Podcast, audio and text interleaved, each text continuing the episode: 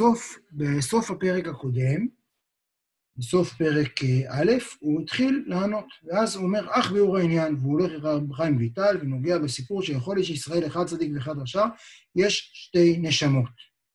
כי דכתיב ונשמות אני עשיתי, ואז הוא מפרט לנו את הנפש האלוהית, את הנפש הבהמית. הנפש הבהמית, שבכוונה אין עליה ביטוי שלילי, אלא היא הבהמה החמודה שלנו. כל מי שכאן אוהב חיות, יכול לדעת בשמחה שאנחנו בהמה חמודה. בהמה חמודה דואגת למה שהיא צריכה לדאוג, היא צריכה לדאוג לשרוד, לפעמים היא צריכה לדאוג לאכול, לפעמים היא... היא הולכת אחרי הדחפים שלה. הוא לא מכנה אותה כאן אה, במבט ראשון בכינויי, בכינויי גנאי, הוא לא מקלל אותה, הוא אומר, היא קיימת. לא רק שהוא גם מכנה אותה סטרא אחרא, שממנה הסדרה, כלומר, היא הצד האחר, היא לא צד של קדושה. שאגב, אם כבר הבנו קצת מה אומר על הרשע, מבחינתנו זה מספיק בשביל לא להיות קדוש. ואנחנו נראה בהמשך שזה בעצם קו הגבול. בין מה שטוב, מה שקדוש, אין אגב טוב. מה שטוב הוא קדוש, אין טוב בלי קדושה, זה לא מעניין אותו.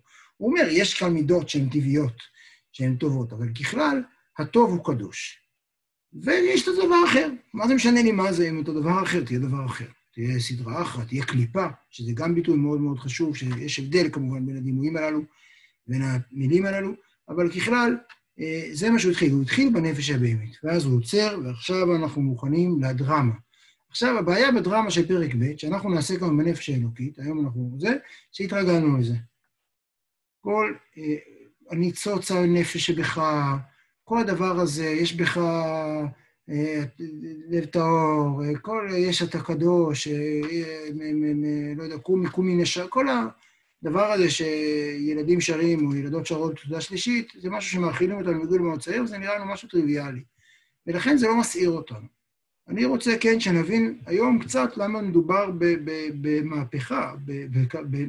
כלומר, אה, זה לא מהפכה בבית הזה שהוא לא המציא את זה, זה בהחלט מופיע כבר בזוהר ואצל הרמב"ן, אה, כבר קודם בוודאי, אבל עדיין, גם, גם בזוהר וברמב"ן, זה רעיונות מופלאים. זה הרעיון המופלא הזה שיש בנו נפש אלוקית, הוא משהו שאנחנו נצטרך, אני רוצה שננסה היום, בשיעור הזה, שהוא יסביר איך היא נוצרה, והוא יסביר גם אחרי זה מה תהליכי הלידה שלה ואיך היום, עכשיו, זה מדהים, כי לא רק שהיא נוצרה פעם אחת אצל אדם הראשון, אה, כל אחד, כל אחד כאן שיש לו הורים, ההורים שלו יצרו עוד נפש אלוקית, כלומר, שכפלו את אלוהים.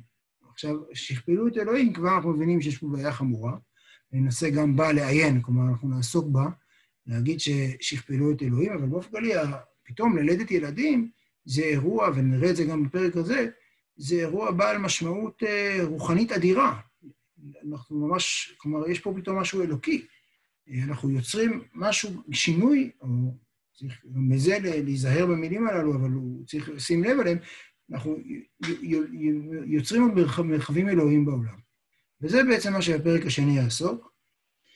ואנחנו, זה, זה הנושא של הפרק, כולו, בשונה מפרק א', לפרק יש נושא אחד, שזה הנפש האלוקית. אני אשתף את המסך, אני שוב ממליץ למי שבא לו להיות עם ספר, זה עושה ממש תחושה יותר טובה. אה, אבל בכל זאת, אני אה, נחמד, אני מראה לכם את זה. מישהו רוצה להגיד משהו עד כה? יופי, תענוג, כיף לשמוע אותך. ונפש השנית מישראל, בישראל. אה, רגע, לא הצלחתי לפתוח את המיקרופון. אני אומר לך שבדיפולט שלי, אני משתגע מהחלוקה הזאת, מהנפש הבהמית והנפש האלוקית. אני... או שאני הרב קוק מדי, או שאני לא יודע מה, החלוקה הזאת בין, בעצם יש בנו נפש בהמית, שאותה צריך, אני לא יודע מה לעשות לה, והנפש האלוקית אולי בדיפולט, כאילו היא החשובה והיא זו שצריך לשים לב. זאת אומרת, יש חלק בחיים שלך שאתה צריך כאילו באיזשהו מקום לזרוק אותו, והוא לא חשוב, והוא לא מעניין, והוא לא שום דבר, והנפש האלוקית היא הדבר. זה כאילו יצר הרע ויצר טוב, כמו שהיינו ילדים שחשבנו. אני חושב שזה יצר הרע, איזה דמון כזה שהוא... מתניה, קודם כל, אני חושב שמה שאתה מעלה פה הוא שאלה מאוד רצינית, ושוב, זה חלק מהמתח שהספר הזה שם. הספר הזה, הוא בהחלט מעמיד אותנו בתחושה שאנחנו צריכים אה, אה, ליצור היררכיה בתוכנו. אין בזה שום ספק. יש היררכיה בתוכנו. הוא לא יגיד אבל אה, להכחיד את הנפש האלו באמת בשום אופן. לכן הוא גם לא... אין לו קטע של לקדש אותה, להעלות אותה, ל... לא יודע... יש לגמרי, לגמרי. אנחנו על זה נעבוד. כלומר, העניין הגדול של האדם, של הבהמי, בשביל זה אנחנו תקועים עם הנפש הבהמית הזאת. עכשיו, זה יותר מזה, אני אגיד, אני כאילו לא, אני הייתי רוצה לצבור מתח, אבל בכל זאת, בשביל שתוכל לשבת על הכיסא רגע, להישען ולשתות הקפה שלך בנחת, השוס הגדול הוא שהבהמה, כאילו הדימוי הוא שיש כאן מלאך, שזה הנפש האלוקית, שרוכב על גבי בהמה. הרעיון הוא שהבהמה הזאת, יש לה כוחות שלנפש האלוקית אין לבד, יש לה תשוקות, היא, כלומר, היא, למשל, אמביציה, משהו שהנפש האלוקית לא בטוח שיש לה כל כך. אה, הרצון, הרצון לבלוע את העולם. יש המון המון דברים שאנחנו משתמשים בכוחות של הנפש בהמית, ודווקא בגלל זה יש יתרון מאוד מאוד גדול דווקא לבן אדם שיש לו נפש בהמית פעילה ובוערת ושוקקת חיים. הוא לא רוצה, נתניה לא מעוניין לכבות את הנפש הבהמית, אין לו עניין לדכא אותה, יש לו עניין לרתום אותה. זה הבדל מאוד מאוד משמעותי, ואנחנו נגיע לזה, זה ממש הנושא הגדול של הספר. עכשיו, יש כאן גם, אני, אני כשאני אגיד דברים שהם במחלוקת בין, בין הקריאות בתניא, אני אשים את זה. כי יש דיון שלם לגבי מה הוא רוצה בדיוק מהנפש שלו. האם הוא רוצה לדכא אותה, להכפיף אותה לגמרי, או שהוא רוצה כן להיעזר בה. זו שאלה שאני רוצה שנגיע אליה, זו שאלה גדולה מאוד. אבל, אבל קודם כל, הוא, הוא מישיר מבט לדיכוטומיה. יש כאן בהחלט דיכוטומיה שהולכת, תלך ותתעצם, ויש פה היררכיה. חד משמעית יש פה היררכיה. בסדר? זה, זה, זה, זה התניא.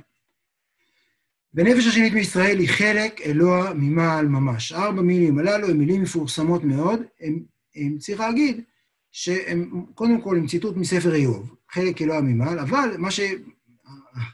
טריק, אני לא יודע למה הוא בחר בזה, זה קשור לכל מיני שיקולים שלו, אבל איוב אומר, זה חלק אלוה ממעל, כלומר, הוא מדבר על מה אלוהים נתן לו.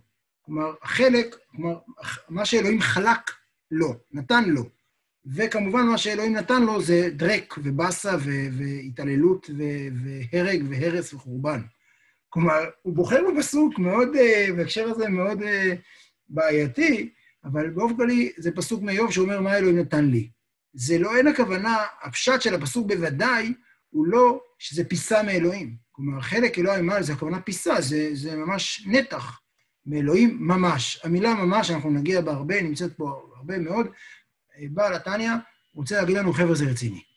באופן כללי, בעל התניא, אחד הדברים שהכי, אומרים את זה הרבה מאוד פעמים, שהוא אחרי, הוא אמר, אחרי הבעל שם טוב, הוא אומר, חבר'ה, זה לא צחוק, זה אמיתי ממש. זה זה, זה לא בכאילו.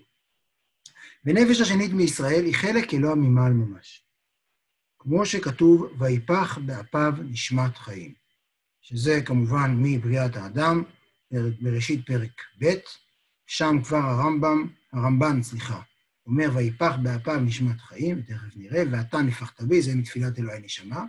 וכמו שכתוב בזוהר, מאן דנפח מתוכי נפח. מי שמשונה מלנשוף, שאפשר לנשוף מהפה, לנפוח זה מהקרביים. אגב, בשופר זה קצת התחושה, מי שפה יוצא לתקוע בשופר, זו תחושה שכל האוויר, שכלומר, אתה מוצ... האוויר יוצא ממקום מאוד מאוד עמוק, או לחלופין, יותר... דימוי קצת יותר אה, אולי מוכר. מי שפה פעם ניסה לנפח אה, גלגל ים או בריכה אה, מתנפחת, שמרגיש שהוא מוציא את האוויר מהקצה של האצבע, של הרגל, זה פחות או יותר רעיון של לנפח. כלומר, פירוש מתוכיותו ומפנימיותו. כלומר, כאשר מנפחים, נופחים, אז זה יוצא מהעומק של העומק. זה לא, כלומר, הנפש, הנפש האלוהית היא לא איזה חלק מאלוהים קטן שנתן לנו איזה חלק פושטי או משהו שולי ממנו, נתן לו משהו מאמצע, מתוכיותו ומפנימיותו. שתוכיות ופנימיות החיות שבאדם מוציא בנפיחתו בכוח. כלומר, אלוהים מוציא אה, את, ה, את, ה, את התוכיות הפנימיות של האדם, מוציא, הקדוש ברוך הוא מוציא אותה, שבן אדם נופח, סליחה, אז הוא, מוציא, אז הוא מוציא את זה מהפנים של הפנים של הפנים שלו. וזה הנפש האלוקית. הנפש האלוקית היא ממש חלק אלוה ממעל ממש, כלומר, ממש ממש מתוכו. זה, החמש שורות האלה אמורות להלום בנו. כלומר, זה חמש שורות, מבחינת המשמעות שלה אומרת שיש בתוכנו אלוהים. יש לזה משמעויות אדירות מכל, מכל הבחינות, לגבי אה, למי אנחנו מתפעלים, הדימוי של האלוהים הגדול הזה, הרי אחת הבעיות הגדולות שאנחנו מדמיינים את אלוהים כמו אה, משהו שאני, בשביל זה עשו את סרט מלך האריות, אנחנו מדמיינים אותו כמו שסימבה עומד ומופסה מתגלה אליו, ככה מדברים את אלוהים. אבל פה הוא אומר משהו הרבה, אלוהים נמצא ממש בתוכנו. עכשיו, זה לא אומר שהוא כולו בתוכנו, אבל זה אומר שחלק ממנו בתוכנו ממש, זו, זה צריך משהו, צריך, כאילו, על זה צריך, אה, אה, אה, זה, זה רעיון שצריך לעיין בעוצמה שלו.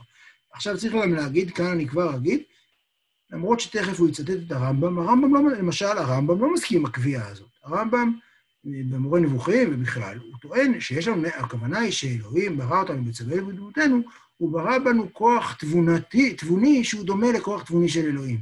אבל בשום אופן חלק מאלוהים לא נמצא בתוכנו. אצל הרמב"ם זה לא יכול להיות שחלק מאלוהים נמצא בתוכנו. אלוהים הוא, הוא גדול ולא נוגע, כמעט לא נוגע בעולם. הוא לא ייגע בעולם ופתאום ישים, ישים חלק מתוכו בתוכנו. כך או כך, זה, זה בוודאי לא דעת כולם, זה בוודאי לפי המסורת הקבלית ולפי הזוהר זה בוודאי נמצא. אבל זה לא מובן מאליו, ויש לזה משמעות אה, עמוקה מאוד. ואנחנו ניגע במשמעות הזאת יותר ויותר בהמשך הפרק, אה, ונרחיב בה עוד. אה, ככה דרך משל. נשמות ישראל עלו במחשבה. טוב, אני אלך כאן לאט, הפרק אני כבר אומר, יש בו קטעים לא לגמרי מובנים, התמונה הכללית מאוד בהירה, בסדר? אבל בפרק אני כן, אני אסביר את הכל כמה שאני יכול, וזה בסדר גם לא להבין הכל. אבל נשמות ישראל ובמחשב. באופן כללי, בריאת העולם הייתה בדיבור. אנחנו יודעים את זה, ויאמר אלוהים יהי אור, ויאמר אלוהים תדשי הארץ, וכולי וכולי וכולי. כל בריאת העולם הייתה בדיבור. חוץ מלפי הזוהר, לפי הדברים, ישראל עלו במחשבה. אלוהים לא אמר אותנו, אנחנו לא דיבר. כשהוא ברא אור, הוא אמר אותו, כלומר, זה משהו שהדיבור הוא מה שיוצא מאיתנו, המחשבה זה מה שלא יוצא מאיתנו. אנחנו המחשבה שלו. כלומר, אם מישהו רוצה כאן להיות רגע אלוהים, לעשות תרגיל בלהיות אלוהים, שרגע יעצום עיניים, או בלי יעצום עיניים, ויחשוב על מישהו, ויברא משהו, יחשוב על יצור, ישים, יחשוב על יצור עם שמונה רגליים בצבע חום, עם גג, עם סירנה על הגב, ועם שני מחושים צהובים. הנה בראת, עלה, יצור במחשבה. כך אנחנו, אנחנו, זה ממש הדימוי, כך אנחנו עלינו במחשבה שלו. עכשיו, אה, אה, אנחנו, המחשבה שלו, יש איזה משמעויות אה, מאוד מאוד גדולות לעניין הזה.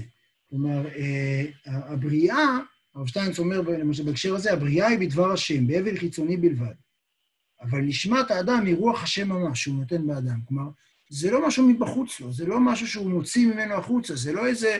בשונה מדיבור, שהוא יוצא ממני החוצה ועובר איזשהו, בעצם, כשאתם עכשיו שומעים את המילים שלי, אתם שומעים חלק מאוד מאוד קטן ממני, משהו שבחרתי להוציא החוצה, הוא בחוץ ממני, הוא נפרד ממני כביכול. בשונה ממחשבה, אין בשום, אנחנו במחשבה לא יודעים להפריד כמעט בין המחשבה לבין, לבין הנפש שלנו עצמה. ולכן, ככה דרך משל, נשמות ישראל עלו במחשבה. כלומר, אנחנו הולכים ומתקרבים, זה לא רק, כמו קודם, נפיחה, אלא משהו ש... אוויר שיוצא, אלא זו המחשבה, אנחנו עדיין בתוך המוח שלו, כלומר, בתוך המחשבה שלו. כי דכתיב... בהמשך הוא לזה מלוסים, לא? לא שמעתי כלום, אם מישהו אמר משהו. בהמשך הוא יקרא לזה מלוסים, לדיבור. אור, תכתוב, אני לא שומע אותך. יש לך רעש. כי דכתיב בני בכורי ישראל, בנים אתם להשם אלוהיכם. עכשיו, זו מטאפורה שתלווה אותנו כל הפרק.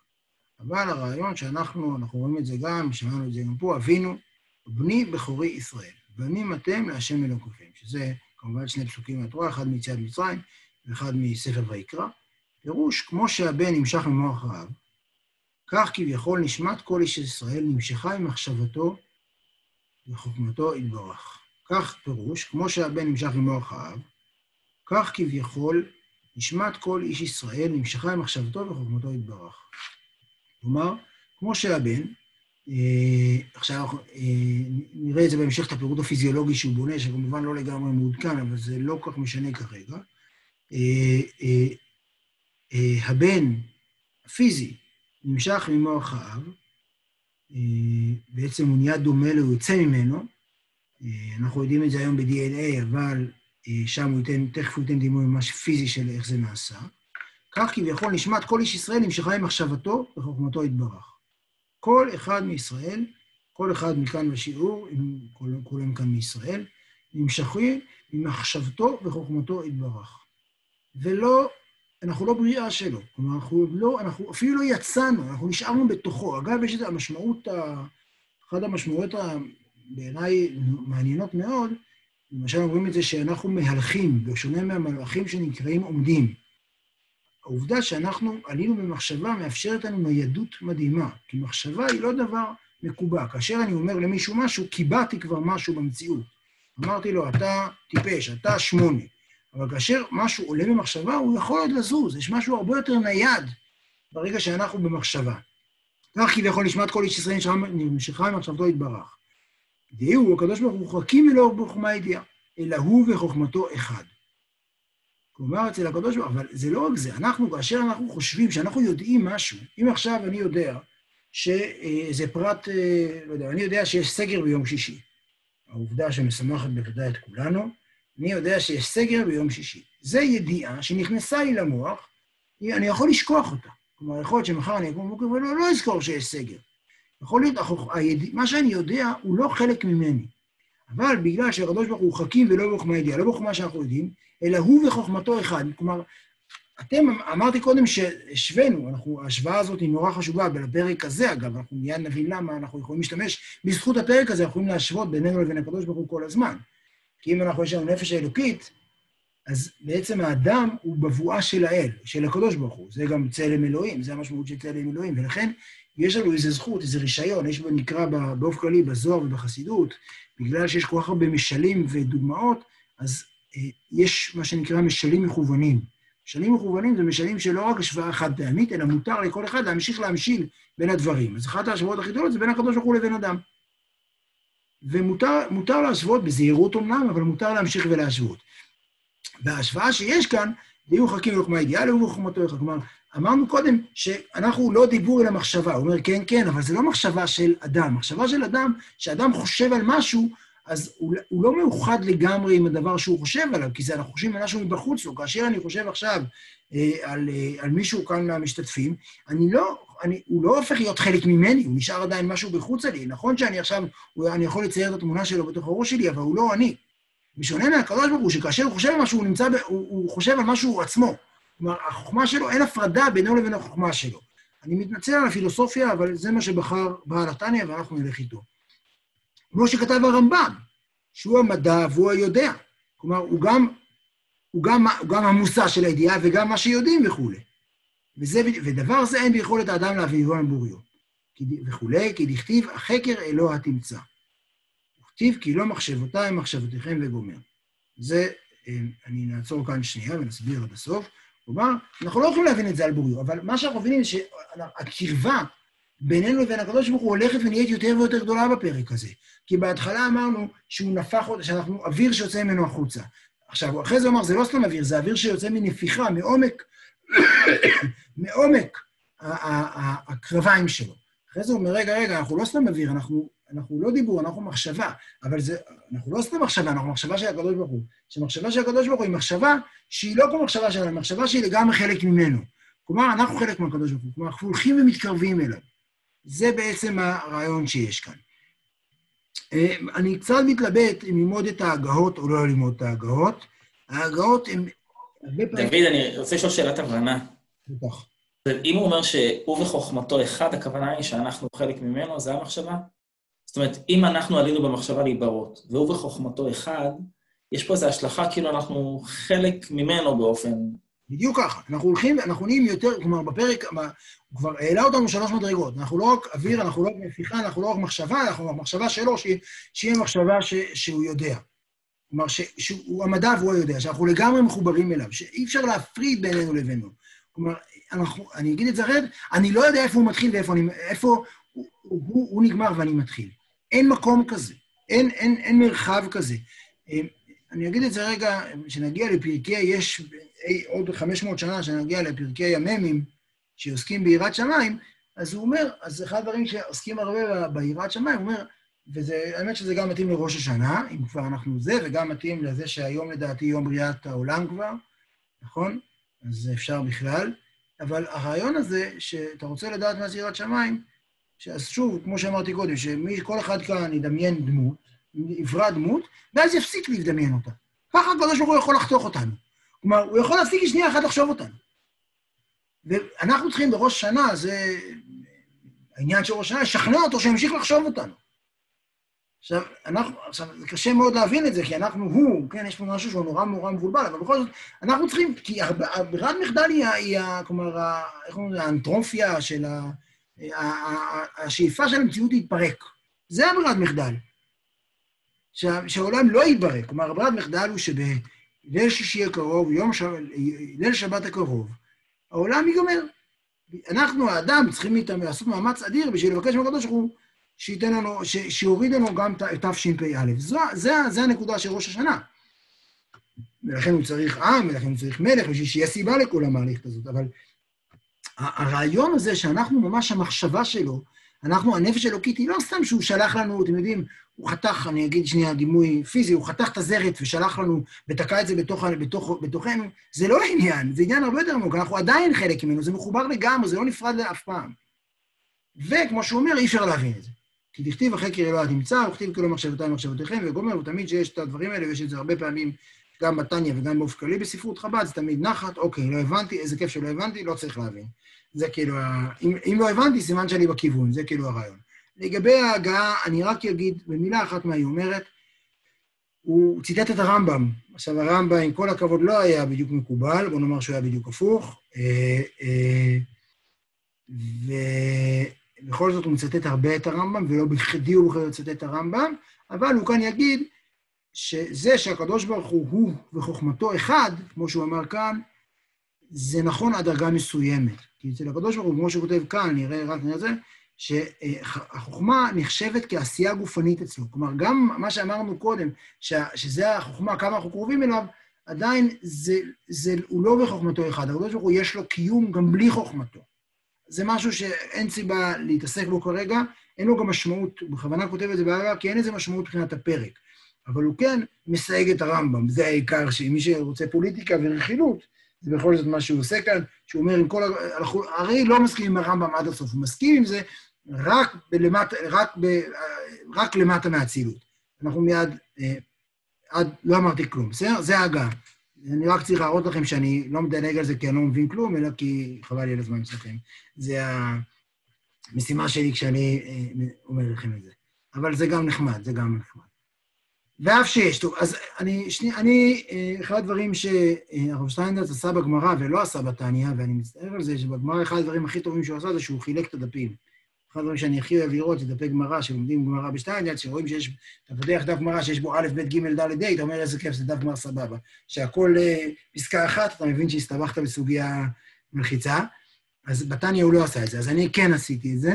אז זה החלק הראשון שלמדנו, ההצהרה שיש נפש שנית. החלק השני, שהוא מסביר בעצם את הרעיון שאנחנו עלינו במחשבה, שאנחנו לגמרי חלק מהמחשבה שלנו. עכשיו אנחנו מתחילים לחלק שלישי. שעכשיו עכשיו אנחנו בפרק עובר לאיזו דרמה קטנה, שקשורה לשאלה פוליטית. היא לא פוליטית כמובן, היא שאלה רוחנית מאוד עמוקה. אם בכולנו יש נפש אלוקית, אז כולנו שווים.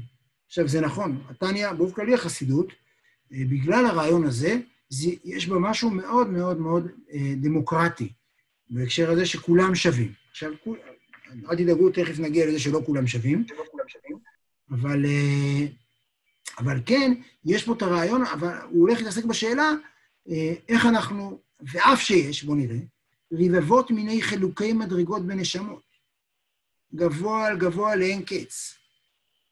כמו גודל, נש... כמו גודל נעלת נשמות האבות ומשה רבנו עליו השלום על נשמות דורותינו אלו דעקבי משיכה, שהם מבחינת הקיבה ממש המוח, המוח והראש. כלומר, יש... עכשיו, אם אמרנו שכל אחד, יש, כל אחד הוא חלק מאלוהים ממש, אז איך יכול להיות שיש מגוון של נשמות? מה, מה, איך זה יכול להיות? איך אפשר לעלות על דעת? מה, שאלוהים, כל אחד קיבל מינון אחר? זה לא עובד ככה, זה לא, זה לא יכול להיות. אז, אבל הוא בכל זאת אומר, עדיין אנחנו רואים שיש נשמות מסוגים שונים. יש נשמת האבות ויש נשמת משה רבנו, ויש את הנשמות דורותינו לדקבי משיחה. זה מאוד יפה שלפני uh, 250 שנה הוא כבר חשב שאנחנו הנשמות של הסוף. כלומר, אנחנו הנשמות של העקבים. באופן כללי, הדימוי של נשמות ישראל, וזה עוד שנייה נראה את זה בפרק, הוא דימוי של קומה שלמה, כלומר של אדם שלם. יש נשמות שהן מבחינת ראש, ויש נשמות שהן נשמות כמו הנשמות שלנו, שהן נשמות מבחינת עקביים. עקב, כל אחד שיסתכל על העקב של הרגל שלו עם החלק הקשה הזה, שאף פעם לא יורד במקלחת, אנחנו החלק הזה של, ה, של האדם, של, של הצרור נשמות האלוהיות. והנשמות אורותינו על ידי עקבי משיחה, שהם מבחינת עקביים ממש, כן, לגבי המוח והראש, המוח והראש. כלומר, יש הבדל בין הנשמות, וכן בכל דור ודור.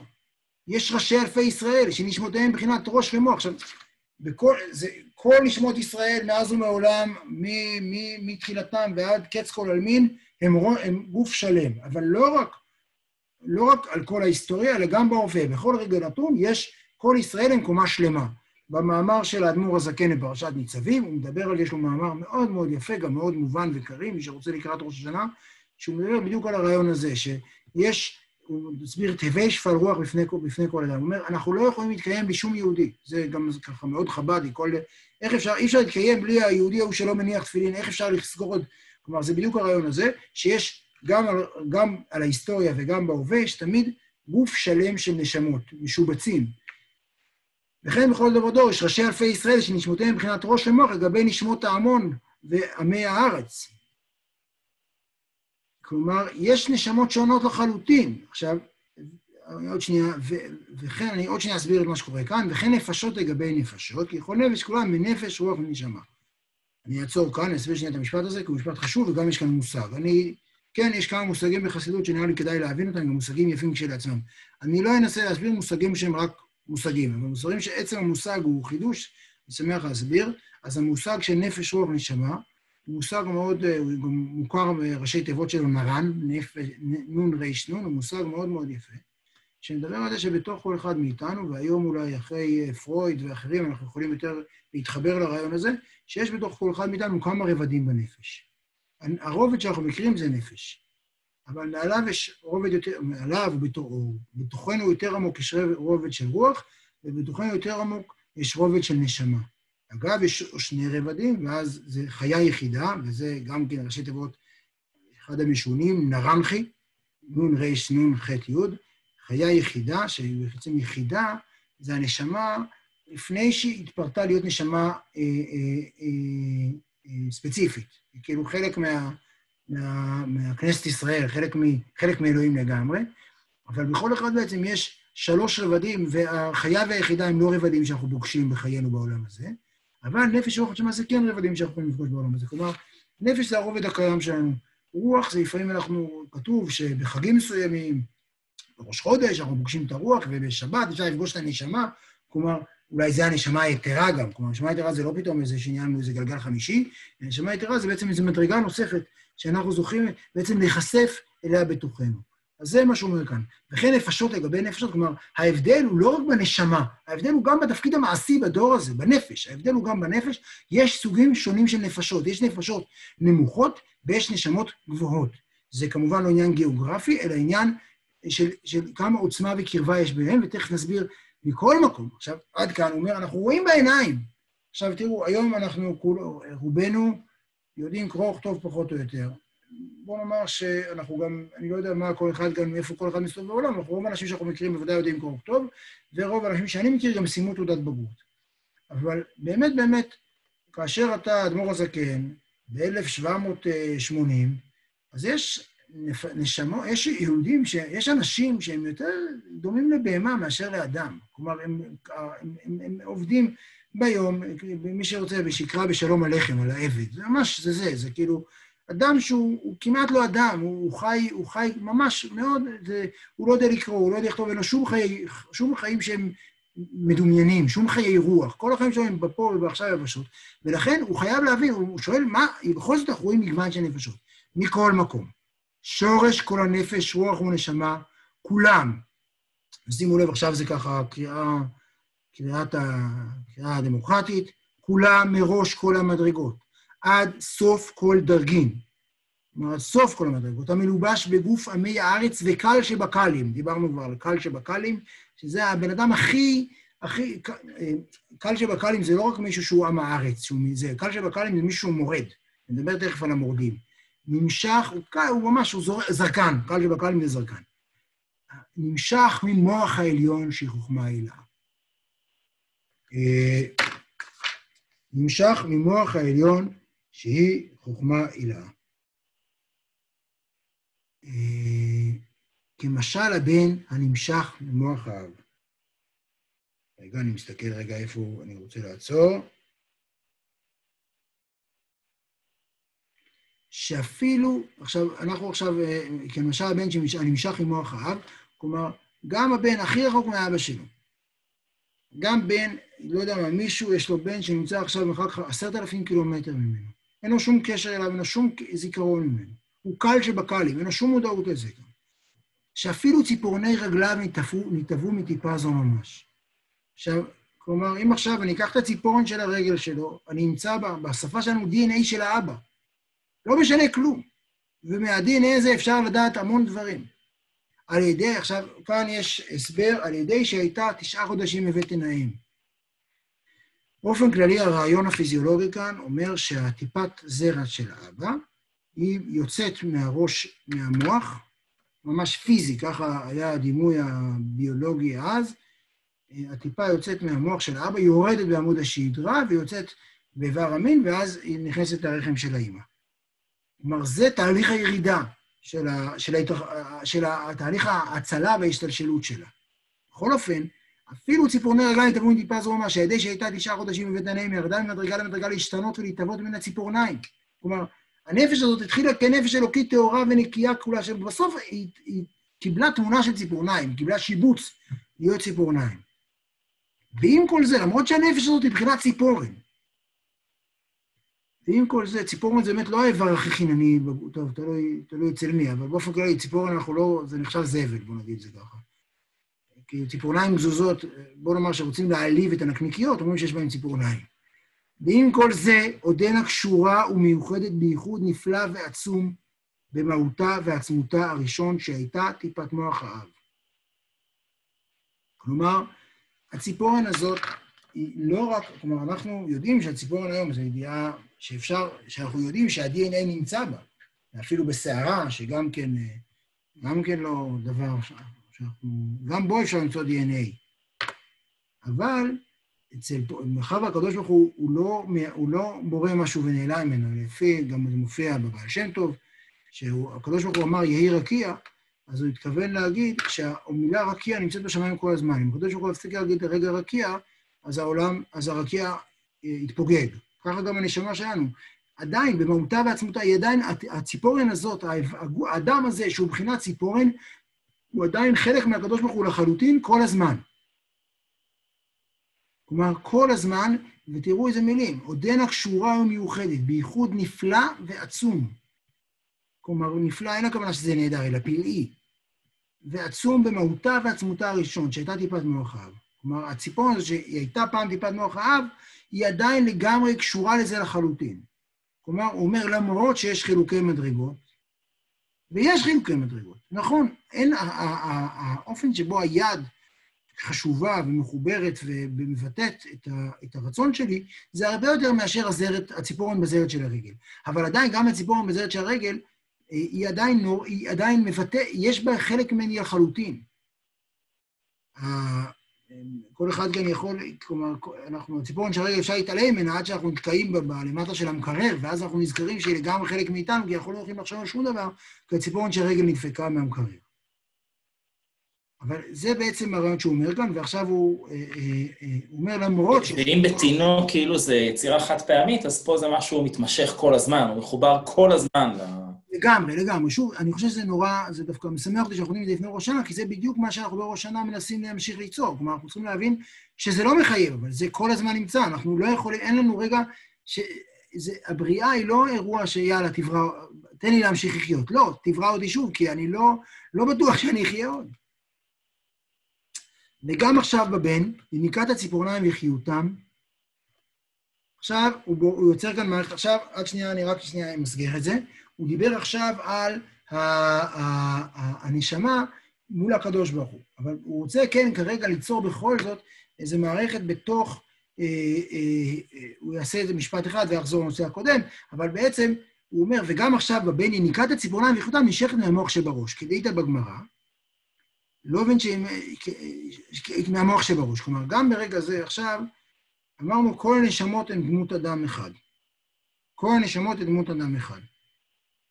אה, אה, אבל גם עכשיו בבן, נקרא ציפורניים וכבודם נמשך מהמוח שבו. כלומר, אדם שחס ושלום, הראש שלו, כאשר הוא מת, המוח כבר מפסיק לחיות את הציפורן, והציפורן תמות. אני לא בדיוק יודע מה קורה לציפורן אחרי המוות, אבל בטח בואו נדבר על האצבע, בוודאי האצבע מתה.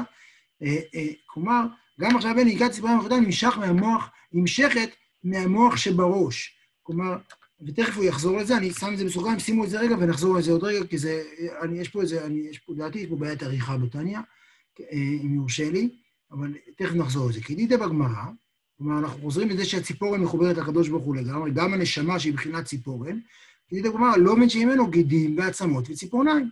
כלומר, זה כתוב במסכת נידה, שאומרת ששלושה שותפים לאדם, אביו, אמו והקדוש ברוך הוא, וכתוב מה כל אחד מביא. אז האבא מביא את הלובן, והלובן זה כל הגידים, עצמות וציפורניים, זה האחריות של האבא. לכן כל מי שכאן אבא אחראי לגזור ציפורניים לילדים שלו. אה, הוא האבא אחראי על האזור של הציפורניים. כלומר, זה מה שמוכיח שלמרות שנשמה מבחינת ציפורניים, היא עדיין מחוברת לקדוש ברוך הוא. וככה ממש כביכול, בשורש כל הנפש, רוח הנשמה שקלו את ישראל למעלה. עכשיו אני רק אתעכב רגע, וככה ממש כביכול זה ביטוי מדליק. זה ממש טניה, טניה עושה את זה מלא פעמים, ככה ממש כביכול. כלומר, עכשיו, הוא אומר ככה ממש, כי הוא רוצה להגיד לנו שזה ממש ככה. כלומר, אנחנו מחוברים לקדוש ברוך הוא לגמרי. לגמרי, לגמרי, לגמרי. כמו שציפורן מחוברת לראש. כמו שציפורן של ילד היא, היא חלק מאבא שלו. זה לגמרי חלק מההורים שלו. זה לגמרי. זה מאוד מאוד קרוב וזה מאוד אמיתי. למה הוא אומר כביכול? כי הוא לא רוצה לחייב את הקדוש ברוך הוא. הוא לא רוצה להקטין אותו. כלומר, הוא לא, ככה ממש כביכול לא נועד לסייג את הקרבה, אלא לסייג את, ה, לסייג את זה שהקדוש ברוך הוא לא מחויב אל הקרבה הזאת. אנחנו נעסוק בביטוי הזה, הוא יעלה עוד כמה פעמים. וככה ממש כביכול, בשורש כל הנפש, רוח ונשמה של כלות ישראל למעלה, ויראתו ממדרגה למדרגה על ידי שלשלות העולמות, אצילות בריאה יצירה, אני יודע שאני רץ, אצילות בריאה יצירה ועשייה מחוכמתו יתברך. כי דכתיב כולם וכמה עשיתן, יתהוו ממנו נפש רוח ונשמה שעמי הארץ ופחותי הערך. אה, אה, אה, אני, על העולמות אנחנו נדבר בהמשך, בסדר? אתם רואים, אביע, אצילות, בריאה, יצירה ועשייה. זה מושג מאוד חשוב, אנחנו נעסוק בו יותר. ובאופן כללי, יש פה איזה תהליך של השתלשלות. באופן כללי, הקבלה והזוהר וכל ספרות הקבלה יצרה לנו מרחב שאומר שכל השמיים הרבה יותר עשירים, יש הרבה יותר שכבות במציאות. מי שכאן, כאילו, ש... לא יודע מה, זה כמו להסתכל על המציאות באיזה משקפי, במשקפי אינפרד, ופתאום אתה רואה שיש הרבה יותר צבעים, לא ידעת שהם קיימים. אז גם בקבלה ובחסידות, פתאום אתה מגלה שהעולם הוא, העולם, העולם, יש עוד המון עולמות שמעבר למה שאנחנו תופסים, עוד המון מרחבים מעבר למה שאנחנו תופסים. ככה ממש, כלומר, מה שקורה זה שיש כאן ירידה. הנפש הזאת הייתה אצל הקדוש ברוך הוא למעלה, ולאט לאט היא ירדה ממדרגה למדרגה והשתלשלות. יש תמיד ירידה והשתלשלות לאט לאט, עד שהיא הפכה להיות, כמו שאנחנו רואים כאן, נשמה שעמי הארץ ופחותי הערך. פחותי הערך, הוא לא, הוא אומר בפורשות, כן? כלומר, יש כאן תהליך מאוד מאוד ארוך שקשור למה זה בריאה, מה זה בריאה ואיך בכלל נוצר מהקדוש ברוך הוא, שהוא אין סוף, עולם מוגבל וחשוך ומנוכר, ועולם שני, הדבר הכי פשוט, שאנחנו, יש אנשים שחושבים שאין אלוהים, שהעולם הזה נראה כאילו עצמאי, זה בעצם השתלשלות העולמות מאצילות, בריאה, יצירה ועשייה, שזה בעצם כל התהליך של, ה, של המהלך הזה, שאני כאמור לא מרחיב בו עכשיו. בסופו של דבר, בסוף המהלך הזה, יצא רוח ונשמה של עמי הארץ ומחותי הארץ. ומחותי הארץ. ועם כל זה, שוב חוזר לאותה נקודה, עודנה קשורות ומיוחדות בייחוד נפלא ועצוב במהותן ועצמותן הראשון, שהיא המשכת חוכמה הילאה. חוכמה הילאה זה הרגע הבריאה. כלומר, עדיין הוא נמצא ברגע הבריאה.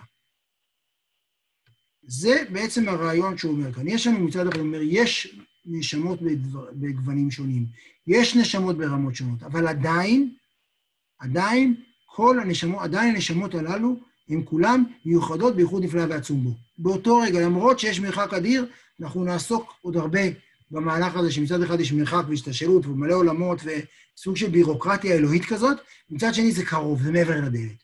אנחנו נעסוק ב... יש כאן איזו דואליות כזאת, איזה סוג של מתח אנחנו רוצים לעסוק בו ולהסביר אותו יותר, אנחנו נגיע לזה, אבל מה שלא יהיה כאן, למרות שנוצרו נשמות כאלה, ויש תהליך שגרם להם להיווצר, ויש לזה כמובן כוונה ורצון אלוהי, עדיין הן מחוברות לגמרי. נראה לי שהבנו את הנקודה. אבל, וכאן, אני רוצה להגיד, יש כאן, במשפטים כאן, יש כאן איזה משהו שלא לגמרי הבנתי, אני חושב, לכן אני אמרתי שיש בעיית עריכה, וגם מי ששם לב דילגתי על סוגריים, שמשהו, ש... איפה שכתוב שער החשמל, אני ישר נבהל ובורח, לא מתעסק. אה, לא הבנתי, בשונה מההגעה שכן הבנתי את זה, לא הבנתי, לא יודע להסביר לכם, אה, אבל אני מקווה שאתם תשרדו את זה. אה, בכל אופן, כי ניקת... ש... לגבי הלבושים של האדם, שהוא ברא לו קוטנות עור, אז יש כאלה שאומרים שזה היה לבוש ציפורן, שזה היה אור ככה מאוד קשיח. וואלה, לא הכרתי, תודה. מעניין. מעניין. כלומר, הוא עטף אותו בימי הארצות. משהו כזה, מעניין. על כל פנים, כי ניקת רוח וחיות. עכשיו, השאלה איך הם יונקים החבר'ה האלה, כן? ממה הם, איך הם חיים. ואני מזכיר לכם את מה שאמרתי קודם כאן, אמרתי לכם שנחזור לזה.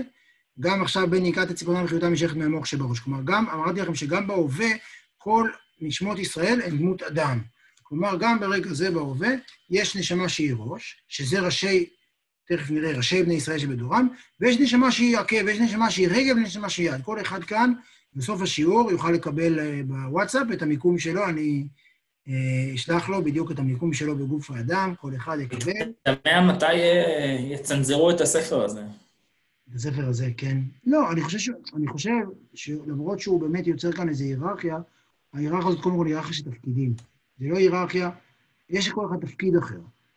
ודבר שני, אני חושב שעדיין, תראה, הרעיון הזה שגם פחותי הארץ עדיין אה, קשורים מיוחדים בייחוד נפלא ועצום, אני חושב שזה רעיון, החסידות היה בה משהו מימד מאוד מאוד מאוד אה, שוויוני ודמוקרטי.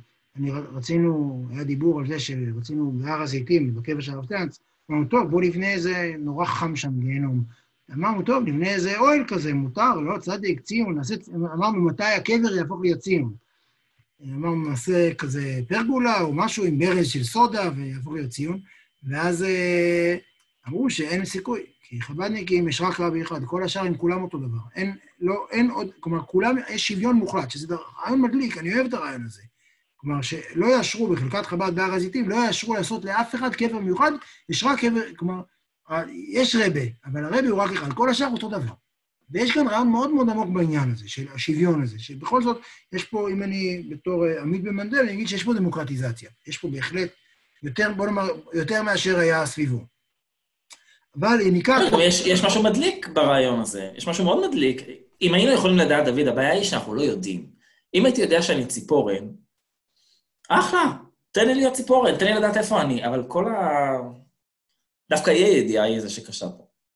זה חלק מהעניין, אבל הוא כן אומר משהו כאן, אז בואו נקרא את זה, כי יניקת וחיות נפש רוח ונשמה של עמי הארץ, ומנפש רוח ונשמה של הצדיקים והחכמים, מרשה בני ישראל שבדורם.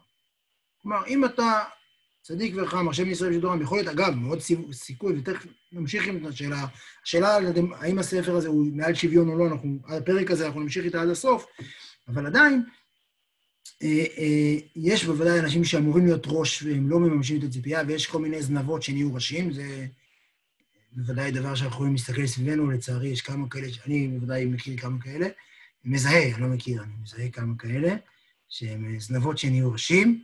אה, זה בקבוצת וואטסאפ השנייה, בגלל קבוצת רכילות של שיעור התניא. אבל על כל פנים, נקרא וחיות נפש רוח ושמה שיצא, כלומר, הם שוב אמרנו, מצד אחד הם יונקים מהקדוש ברוך הוא, הציפורן של הרגל יש ב-DNA של האבא, אבל גם הציפורן של הרגל הזאת, של האצבע הזאת, למרות שיש לה ב-DNA של אבא שלי, עדיין היא ברגע זה גם יונקת מהראש שלי, כלומר, בהווה. ולכן אה, אה, הוא יוצר כאן מהלך של חיבור שמאוד מאוד מעניין. מצד אחד, יהודי מחובר לקדוש ברוך הוא, מצד שני, יהודי גם מחובר לצדיק. יהודי, הצדיק הוא מה שמחיה כרגע הוא, הוא בעצם סוג של מת, צומת, שבה היא התחנת חלוק, היא הברז מים, השיבר, שדרכו עובר, אם אני מדמה את זה לאינסטלציה, אז זה השיבר. עכשיו, יש איזו משמעות כבירה לרעיון הזה. אה, נקרא עוד טיפה, ואז אני אגיד כמה משמעויות שהרב צאנז מפרט אליהן. ובזה יובן מאמר רבותינו זיכרונם לברכה על פסוק, ובדבקה בו, שכל הדבק בתלמיד חכם, מעלה עליו הכתוב כאילו דבק בשכינה ממש.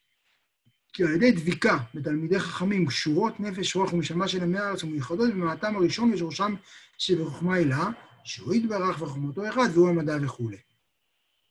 כלומר, קודם כל, אני, יש פה משהו שאני הרבה שנים מתעסק איתו ומסוכסך איתו, ודווקא הפרק הזה קצת מרגיע איתי. אחד הדברים, יש בדברים, כתוב, את השם אלוקיך תירא, אותו תעבוד, ובו תדבק, פסוק שכולו רומנטיקה, ואז מגיע אמירה הגמרא ואומרת, ובוא תדבק, וכי יכול אדם ידבק בשכינה, אה, והלא אש אוכלה הוא, מה פתאום זה, אלא אה, ידבק בתלמיד חכם, אלא אה, ידבק בתלמיד חכם, ותחתן את הבת שלך עם תלמיד חכם, ותהנה תלמיד חכם מנכסיך, כאילו, דחילה, כתוב דבקות, אתה אומר לי עכשיו להתחיל להידבק לרבנים, זה מה שאתה, זה מה שאתה עושה לי, כאילו, מה, מה עכשיו?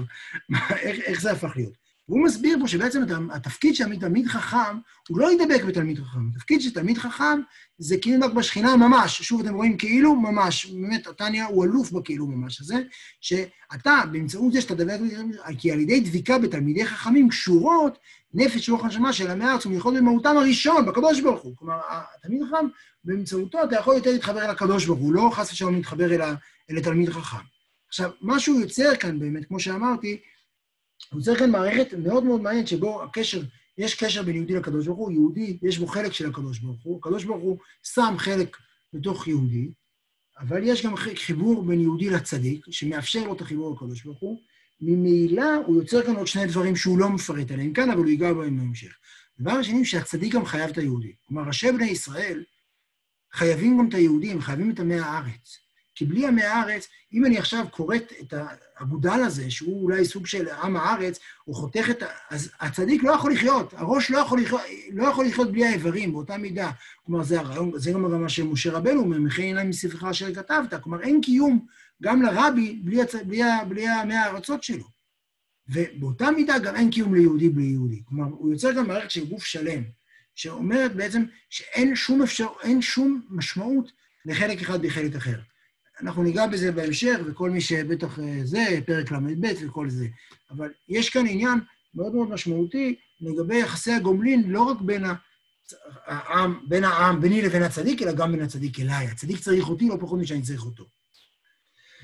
אה, וכל זה בגלל הנפש האלוקית. והפושעים, והם מורדים את תלמידי חכמים, כן, מי שבכל זאת ממש, איך הוא יכול לקבל חיות מהם? יניקת נפש רוח ונשמה שלהם מבחינת אחוריים של נפש רוח ונשמה תלמיד חכם. כלומר, הוא, יכול להיות שהוא פה מדבר בגוף ראשון, אני לא יודע, אבל יש אנשים, מי שממש בועט, איך הוא מקבל חיות ממנו? הרי הוא לא בא לשמוע ממנו שהוא תורה, הוא אומר, הוא מקבל מבחינת אחוריים. כלומר, הוא מקבל, יש השפעה שהיא לא ישירה, היא לא פנים בפנים, אלא היא השפעה מאחור. היא השפעה שזה, זה, כלומר, זה משהו אחר, פנים ואחור ניגע בהמשך, גם כן זה מושג מאוד חשוב, אבל לא כרגע. עכשיו, אנחנו ניגע אה, בעצם ברגע שבו יוצרים, כלומר, דיברנו שהפרק הזה עוסק בנפש אלוקית. נפש אלוקית, אמרנו כמה היא קרובה, כמה היא מאוחדת איתו, ולכן, וגם למרות השוני הגדול בין, ה, בין, ה, בין, הנפש, בין הנפשות, בין הנשמות, בין הנשמות בעולם, עדיין כולם מיוחדות איתן בתכלית, ואז דיברנו על תפקיד הצדיק. עכשיו הוא אומר, עדיין זה אומר שכל ילד שאדם שיולד, הוא, הוא רגע שבו אנחנו יוצרים, אה, מייצרים נשמה חדשה. ומה שכתוב בזוהר הוא זוהר חדש, שהעיקר תלוי שקדש עצמו בשעת תשמיש, דווקא. משאין כן בני עמי הארץ, שמה קורה להם?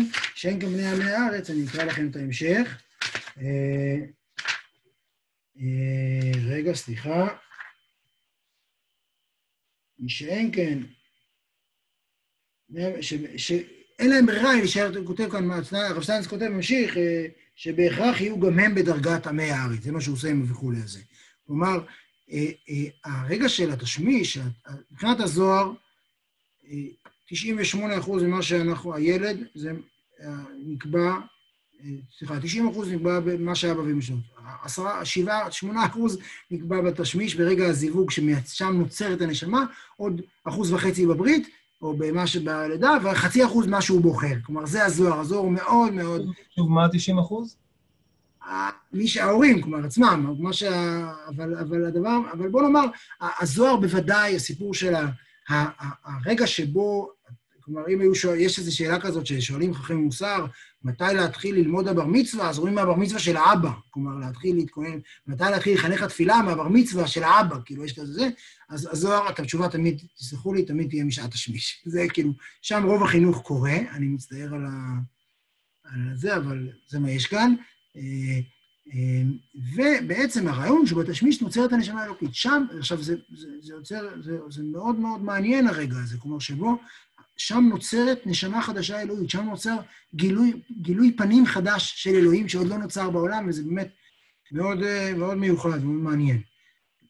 דווקא, כלומר, זה העיקר, שיקדש את עצמם השמיש, שאין כבני המעט, שלא מגשים את עצמם בשעת השמיש, ולכן יוצאים להם, ממילא, לא מופתיע שבני עם הארץ יולדים בני עמי הארץ, זה מבאס. היינו משום שאין לך נפש רוח ונשמה שאין לה לבוש מנפש ועצמות אביו ואמו. כלומר, ההורים לא יכולים לפגוע בנפש אלוקית. נפש אלוקית נוצרת, אמרנו שהיא מאה אחוז נפש אלוקית, אבל עדיין הם מלבישים אותה בלבושים, הם קובעים איך היא תיראה ותתגלה בעולם. לבוש זה האופן שבו אנחנו נראים ונגלים בעולם. וזה האופן שבו, זה מה שההורים קובעים בשעת התשמיש, וזה האופן שבו, וכל המצוות שעושה הכל על ידי אותו הלבוש. ואפילו שהשפע שנותנים לו מן השמיים, הכל על ידי לבוש זה. כלומר, כל נקבע, גם במצב הכלכלי, גם במצוות, הכל נקבע באופן שבו ההורים מעצבים במפגש ביניהם את, ה, את, ה, את הלבוש שלו, את האופן שבו, שבו האלוהות הזאת נבלט בעולם. כלומר, הוא מייצר רגע אלוהי, הוא מייצר הופעה חדשה של אלוהים בעולם. ולכן, ואם יקדש עצמו, ימשיך לבוש קדוש לנשמת בנו. כלומר, הוא יכול לשנות את החיים של הילד, ואפילו נשמה גדולה צריכה לקידוש אביו. כלומר, גם נשמה גדולה צריכה את הלבוש הזה. הרב שטיינס מביא פה סיפור על אה, רב אורי מיסטרליסק, שאמר שאם אבא שלו היה פעם אחת טובל במקווה לפני שהוא, לפני שהוא אה, בא על אימא שלו, כל התפילות שלו היו נראות אחרת לגמרי כל החיים שלו. והוא מביא פה סיפור מברדיצ'ב, לא זוכר ממי, מהרבי מזידיצ'וב, שאם אימא שלו לא הייתה אוכלת ש... ש...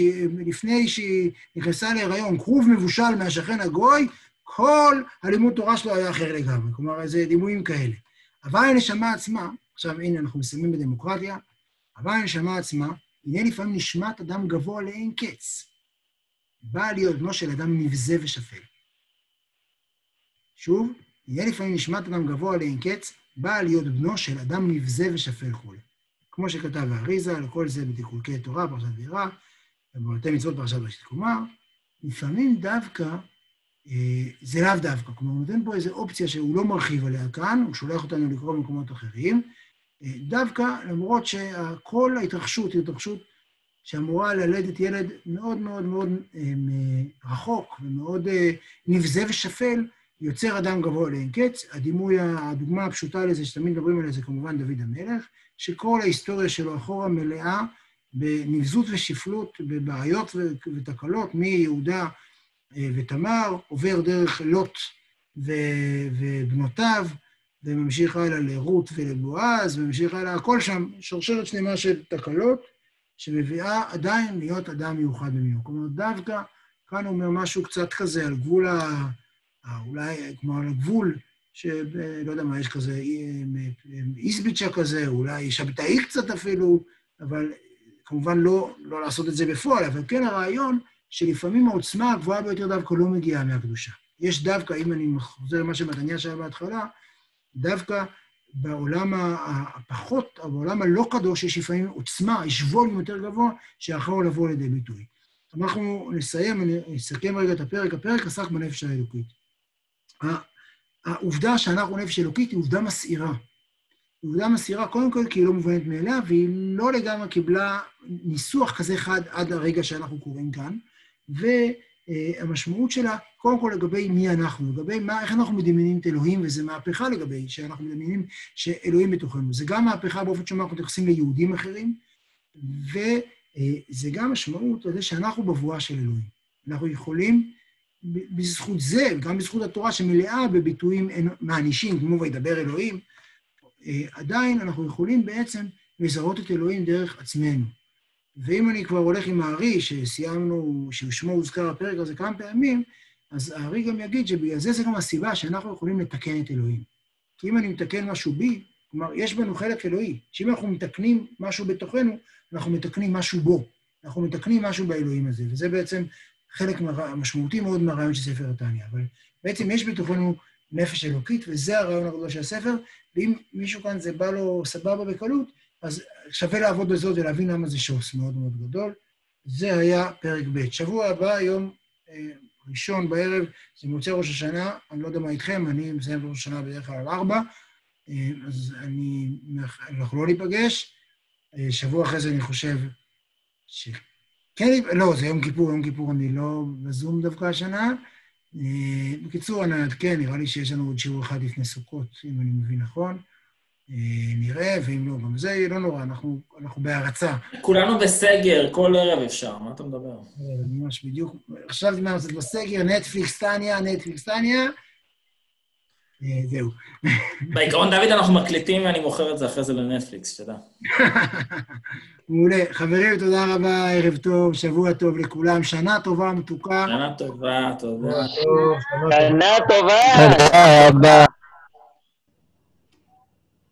warahmatullahi Itu. Itu.